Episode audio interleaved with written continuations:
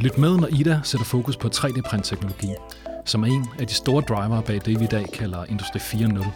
Jeg har talt med Erik Thyrmer, der vil lave et Spotify for Tools, og med David Bue Pedersen, der forsker på DTU-mekanik. Med David skal vi tage tekniske dybdedyk for at forstå, hvordan 3D-printprocesser foregår. Vi skal høre, hvor vi er i Danmark i dag, og vi er rigtig langt fremme. Hvad betyder det, når vi med 3D-printteknologier står med decentraliserede on-hand og ekstremt billige fremstillingsmuligheder? Hvordan indvirker det på fremtidens arbejdsforhold, og hvilke mindset kan vi komme længst med? Programmet veksler mellem industri- og forretningsperspektiver. Det går stærkt, og der sker meget på området, så hold fast de næste 20 minutter.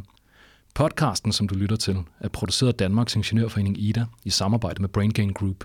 Tobias Anker Jeppesen har produceret, og mit navn det er Mathias Seidler.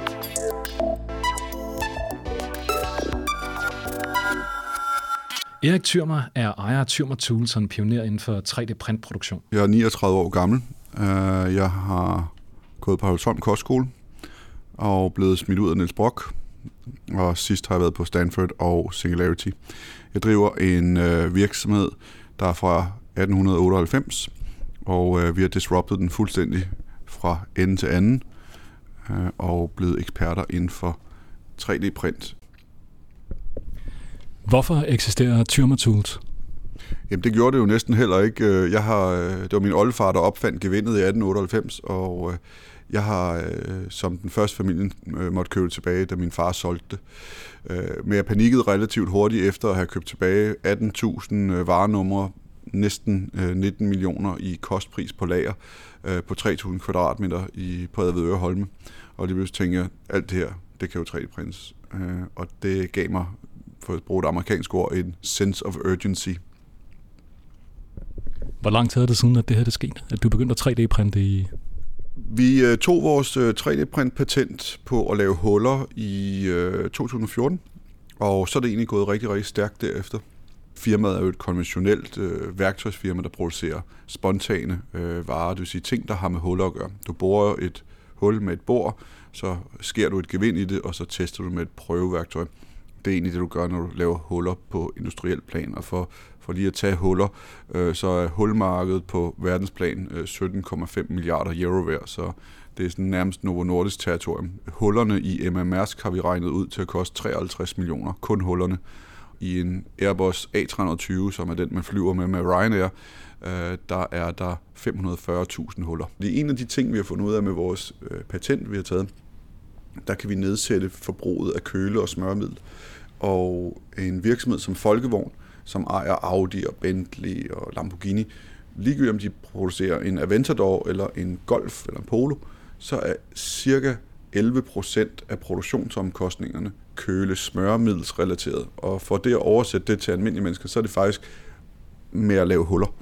Så 11% af deres kostpris, det er faktisk køle smøremiddelsrelateret til at lave huller eller skære kaviteter. Men det, der sker med Folkevogn, det er, at vi kan nedsætte, hvis vi kan lave det her værktøj, få det til at virke, så kan vi nedsætte deres kølesmørmiddelforbrug fra 11% til 5%. Øh, jeg har ikke tallene, men jeg gætter på, at det er rimelig signifikant, øh, øh, hvad vi vil kunne spare Folkevognsgruppen for.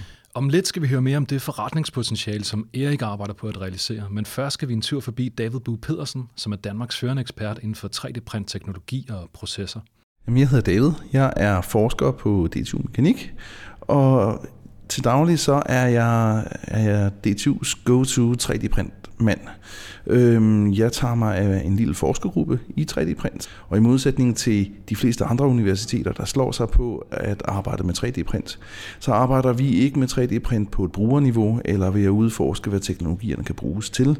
Vi sidder direkte på processerne og procesudvikler øhm, bygger, bygger 3D-printere til at være mere konkurrencedygtige mod øh, konventionelle fremstillingsprocesser, end hvad de er i dag. David, har du en 3D-printer derhjemme? Nej, jeg har tre. Og hvad kan de? Hvad bruger du dem til?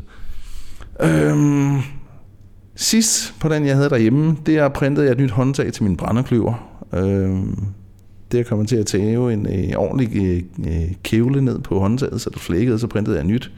Når jeg, når jeg tænker 3D-print, så tænker jeg på en maskine, man kan købe fra nettet, og så kan den stå derhjemme, og så kan den printe skeer, gafler, kniver og andre ting, jeg skal bruge i mit eget hjem. Men når du tænker 3D-print, så er det noget andet. Altså, hvad, hvor mange forskellige 3D-print-teknologier er det, der er i brug, og som der er, er state of the art?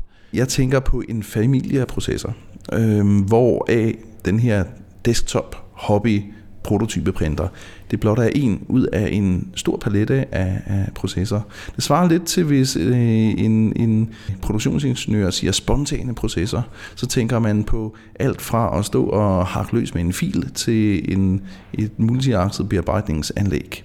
Og når, når vi siger 3D-print eller det term, jeg bedre kan lide at bruge, der hedder additive manufacturing eller additiv fremstilling, så tænker jeg igen på en procesfamilie, hvor procesanlægget til at arbejde i metal, det er et stykke industrielt grej på størrelse med netop et bearbejdningscenter til, til fremstilling af metalemner, øh, som koster mange, mange millioner i, i anskaffelse, og som i øvrigt ikke kan stå for sig selv, øh, men som skal have support af et, af et femakset CNC-bearbejdningsanlæg.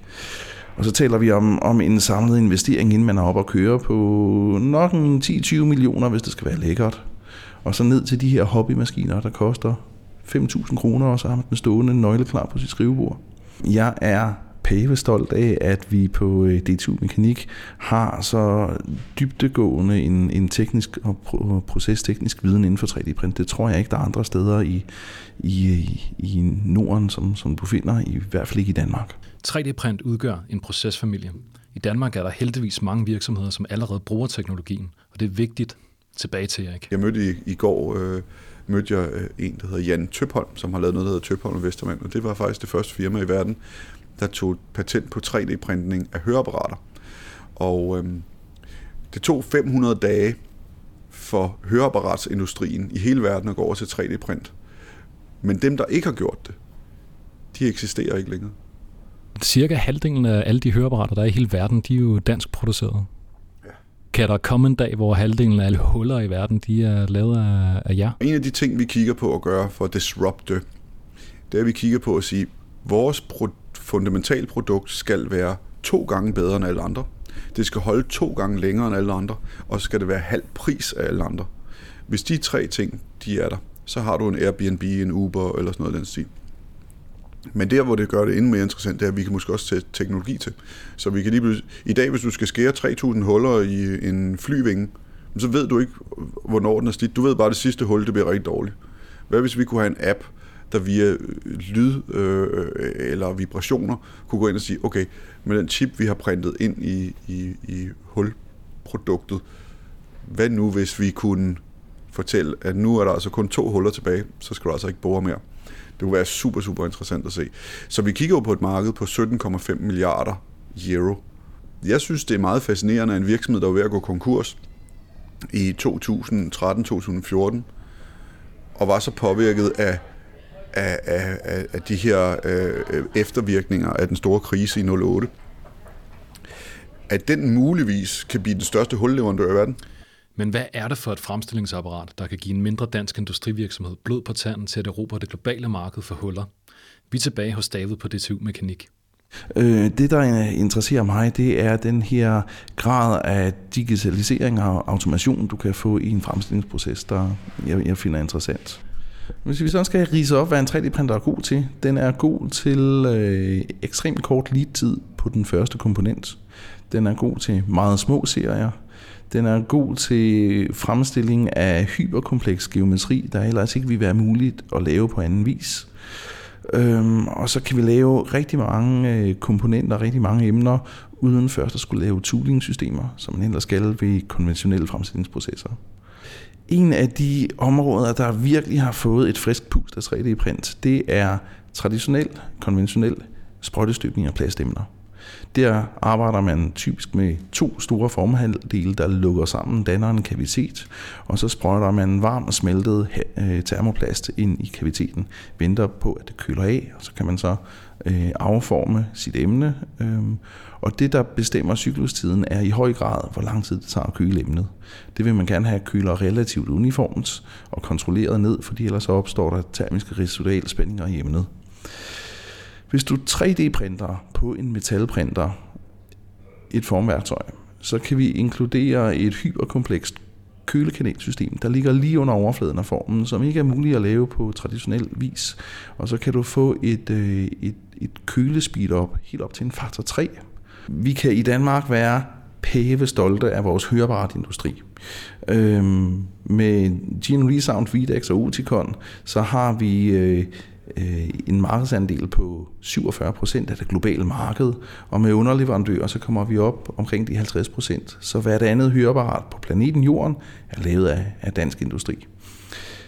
90 procent af alle de høreapparater, der bliver lavet til at konformere med den enkelte brugers ørekanal, de bliver i dag 3D-printet. Det gør de ud fra en proceskæde, hvor man 3D-scanner øregangen af, af høreapparatbrugeren, enten direkte med en lille 3D-scanner, der ligner en pind, eller gennem et, øh, en, en afstøbning, der 3D-scannes. Og direkte ud fra det kan man så fremstille et høreapparat, der med en, en, en mindre øh, mængde fit and finishing øh, kan, kan tages i brug direkte. Og det erstatter en proceskæde, der var udbredt manuel øh, for 10-15 år siden, hvor man lavede et voksaftryk, støbte det ind i gips, brændte voksen ud i en ovn, støbte en hærdeplast ind i, i hulrummet, der var dannet i gipsen, for så til sidst at slå gipsformen i stykker, og så sidde og, og afgrate og rense øh, hyrebrætskallen, den støbte skal, med en nålefil til at det nu foregår øh, gennem en digitaliseret proceskæde, hvor man 3D-printer høreapparatet, og så har et minimal mængde fit and finishing med at eftermontere elektronikken, og lige lave en, en, en maskinel polering af høreapparatet, inden det kan tages i brug. Og en sådan revolution er, hvad 3D-printeren kan byde på. Så altså en revolution for høreapparatindustrien de sidste år, men selvfølgelig ikke høreapparatindustrien alene. Erik Thürmer mener, at det handler om at komme med på vognen, før det er for sent. Vi var ved at købe en 3D-printer fra noget, der hedder 3D Systems. Vi skulle give lige knap 700.000 for den, og øh, have den sat op på virksomheden. Og der skulle alt muligt med. Der skulle blæser med og sådan Altså der var, jeg tror, 10% omkostninger, altså godt 60-70.000 kroner, der kom oveni for re- relaterede ting til projektet. Og så kommer Ultimaker med en Ultimaker 3 Extended med EFI-chip til 40.000 kroner. Og, det sender jo chokbølger igennem 3D-printmiljøet, at du lige pludselig kan tage noget, som kun var for store etablerede virksomheder, og nu kan små startups lige pludselig købe dem. Og chokbølger, der bliver sendt igennem 3D-printmiljøet, er det chokbølger, der forplanter sig ud til, til resten af, af industrisektoren, resten af de mennesker, der sidder og skal være på forkant med, hvad man kan og hvad man skal reagere på? Altså, jeg ved ikke, hvad der sker i Danmark. Det er sådan mit opråb, når nu du gider interviewe mig. Der, er jo, der sker et eller andet med iværksætteri i Danmark. Når folk de, de får råd til en øh, BMW 5-serie og et parcelhus, så holder de op med at tage risiko. Men, men jeg vil bare lige huske på, at Airbus A380, den største, det største fly i verden, i marts eller april 17, så al produktion af den, der vil 30-35% af alle dele i det fly være 3D-printet. Det er altså noget, vi flyver i. Jeg har faktisk et billede, som er taget i Belgien hos en producent. De bruger det her, der hedder resin. Og jeg har altså set kofangeren til en Citroën C1 blive hævet op af væske. Altså de manifesterer den simpelthen, de hiver den, der kører en masse laser nede i væsken, men de hiver op af et væskebalje, der måske er 20 cm dyb, der hiver de en fuld kofanger til en Citroën C3 på tre timer. Hvad gør det ved reservedelsmarkedet? Hvad gør det ved fragtmændene? For Erik Thürmers virksomhed, så betyder det her, at produktionen, lageret, distributionen bliver sekundært. Næste skridt er jo så ikke bare at producere det. Næste skridt er jo, at vi slet ikke skal være en producent. Næste skridt bliver, at vi bliver en Spotify for tools. Det her univers skal være ligesom Spotify. Men det bliver jo så ikke bare kun værktøj mere, fordi vi kan producere hvad som helst. Vi, det er lige meget, vi, vi kan producere, det koster det samme at producere en turbo til en kønigsæg, som det gør at producere en, en stor maskintap, fordi printerne er ligeglade. Det er det samme forskel, for at give et lettere eksempel. Hvis du, vil, hvis du går hen til din Konica Minolta, Minolta printer, og så printer du en stregtegning af en mand, så koster den stort taget det samme. Det er kun en fraktion mere, hvis du printer en fuldfarvet rød Ferrari, der kører på autobahn. Så når jeg har siddet derhjemme og streamet den her fil, der har gjort, at jeg kan, at jeg kan 3D-printe den her Lamborghini eller den her Ferrari, hvem er det så, der ejer det produkt? Altså, jeg vil godt sige noget kontroversielt, og det er, at jeg tror, at patentsystemet simpelthen vil ophøre med at kunne leve. Det at kunne tage patent på en teknologi, en service, en ydelse, et produkt som en virksomhed, det er vel også noget af det, der betaler for de enorme omkostninger, der kan være forbundet med innovationsprocessen, der har resulteret i det patent. Ja, men der vil jeg gerne have, at øh, vores space her, at det bliver et space for alle mennesker. Så vi, har, vi ser det her maker-miljø, hvor man går ind og så hacker man en stol og sådan noget. Det giver ikke nogen mening, andet end det er en hobby. Men hvad nu, hvis vi kunne tage det til next level og gøre det til industriel produktion? Jeg siger, mine værktøjer for eksempel, jeg lægger dem ud fuldstændig åben. Alle har lov til at hacke dem i det her space. Så du går ind, og så laver du mit produkt 10 gange bedre. Så får du lov at få 30%. Så via blockchain og fintech, så kan jeg sørge for, at hver gang vi sælger et af mine produkter i fremtiden, så 30% dig, resten er til mig det vil blive et helt ny måde at tænke industri på. Den konventionelle industri, som vi kender i dag, den forsvinder fuldstændig. Ja, Erik Thürmer, han er allerede helt ude i rummet. Øh, vi begyndte øh, i et projekt med Made in Space, hvor at de skulle bruge en skruenøgle på øh, ISS, den internationale rumstation. Og det koster 43 millioner kroner at sende en, en, en, en skruenøgle op til rumstationen, med, altså på grund af fuel og hvad den vejer, ikke? Med, med et rumskib. Og øhm, der, der lavede vi simpelthen sådan en fil sammen med Made in Space og sendte op. To 30 minutter at sende den. Det bliver faktisk sendt på sådan en helt gammeldags morse-metode øh, derop. Øh, og og øh, de fik deres fil op, og så tog det dem øh, 10 timer at 3D-printe den i rumski eller i, på ISS. Og så havde de deres, deres skruenøgle. Den virker stadigvæk angiveligt øh, fra, hvad vi har hørt. Amazon forudser at blive en af de største producenter i verden. Det skulle da ret underligt. Amazon, de er jo en grossist. De forudser at blive en af de største producenter i verden. Og ydermere så forudser de, at inden øh, næste 20 år, så er de øh, den største producent i rummet. Obama, det sidste han har underskrevet, inden Trump overtager, øh, det er, at amerikanske virksomheder må eje asteroider. Og man har allerede et projekt, der hedder Made in Space i gang, hvor at man grinder øh, øh, hvad hedder det, de her asteroider til pulver, øh, med sådan en lille en ting, der flyver om, en lille satellit, der flyver op, og så producerer man ud af det pulver øh, 3D-printer du så. Så i princippet kan du 3D-printe en hel rumstation.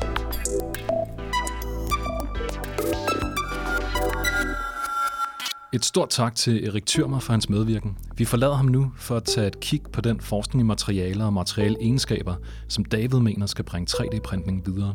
Og så kigger vi ind i den fremtid, som David forudser for 3D-printningen, når den for alvor skal introduceres på industrielt niveau. 3D-print er meget begrænset af de procesmaterialer, vi kan arbejde indenfor. Det er meget svært at, at lave metalkomponenter, der vil, der vil ende med at have en, en overfladebeskaffenhed, der er god nok til, at man kan kalde det for funktionsflader, og der skal typisk en efterbehandling til. Det er, skal vi finde på, på nye måder at angribe metalprint på, så vi får øh, overflader, der, der kan bruges til for eksempel Øh, glideføringer og så videre direkte ud af processen. Den teknologi findes ikke, den skal opfindes. Hvis vi ser på, på plastprint, så kan man arbejde enten i termoplast eller hærdeplast. Når vi arbejder i termoplast, så er der tale om en ekstruderingsproces, hvor vi trykker en plasttråd ud gennem en, en, øh, en ekstruder, en tynd lille dyse, og så lægger vi materialet ud i små pølser lag for lag. Og det giver en grov øh, overfladebeskaffenhed, det giver dårlig vedhæftning mellem lagene. Men vi får det emne ud i det plastmateriale, som, som, som, som vi kender allermest fra, fra konventionelle produkter, som vi omgiver os med. Hvis vi gerne vil have den, den høje øh, overfladebeskaffenhed og de gode dimensionstolerancer på plastemne, så bevæger vi os væk fra, fra termoplasten og bevæger os over i hærdeplast. Øh, og hærdeplast er ikke lige så, lige så holdbart over tid. Det dekomponerer. Øhm, det er sværere at lave det øh, stabilt med hensyn til UV-lys og kemisk resistens. Øhm, og endeligt så er det en meget, meget langsomlig proces at arbejde med. Øhm, så, så inden for, for plast, øh, polymerområdet, der er, er kunsten fremadrettet at finde ud af, hvordan kan vi printe i procesmaterialer, der både har de gode mekaniske, termiske, øh, materialmæssige egenskaber, og hvor vi kan få de, øh, de gode øh, dimensionstolerancer og, og, og overfladebeskaffenheder. Og den teknologi er heller ikke opfundet endnu. Øhm, det, der skal til for, at vi kan introducerer to nye procesteknologier, der giver os det på både metal og på plastsiden, det er forskning i, i materialer. Jeg tror, at øh, 3D-printeren den ændrer sin form fra den her standalone-maskine til at blive dekomponeret ned i dets bestanddel. En metalprinter består af en eller anden form for pulverudlægningssystem, en højeffekts industrilaser, et scannerspejlsystem til at styre laseren, en frekvensgenerator til at modulere laseren, øhm, og hvis vi tager alle de delsystemer og hiver ud af den, den, den fine lukkede kasse og sætter op i et samlebåndsmiljø, hvor vi har et produkt, der undervejs øh, på samlebåndet, bevæger sig forbi en station, der laver noget pulverudlægning, og så kører videre hen til laseren, der så påsvejser noget pulver, og så kører, kører, kører videre ned ad samlebåndet, så kommer det til at være, være det, det, der skal til for, at vi kan klare de her høje øh, volumes, som industrien efterspørger og så er det ikke længere en, en 3D-printer. Så er det en 3D-printer, der er blevet dekomponeret til dets bestanddele og bygget op i et samlebåndsmiljø. Og det er det, jeg tror, vi ser i fremtiden. Du har hørt om hyperkomplekse kølekanalsystemer, stiftet bekendtskab med en familie af additive fremstillingsmetoder og fået indsigt i en gammel dansk industrivirksomheds rejse fra at opfinde gevindet til at ville bygge et Spotify for tools. Hvis du vil vide mere, så tjek show notes for podcasten ud og gå på opdagelse i linksamling til de emner, vi har diskuteret. Har du kommentar, kan du logge ind på Ida Universe. Podcasten, du har lyttet til, er produceret af Ingeniørforeningen Ida i samarbejde med Brain Gain Group. Vi udgiver den næste til januar. Tobias Sandkær Jeppesen er producer, og jeg hedder Mathias Seidel.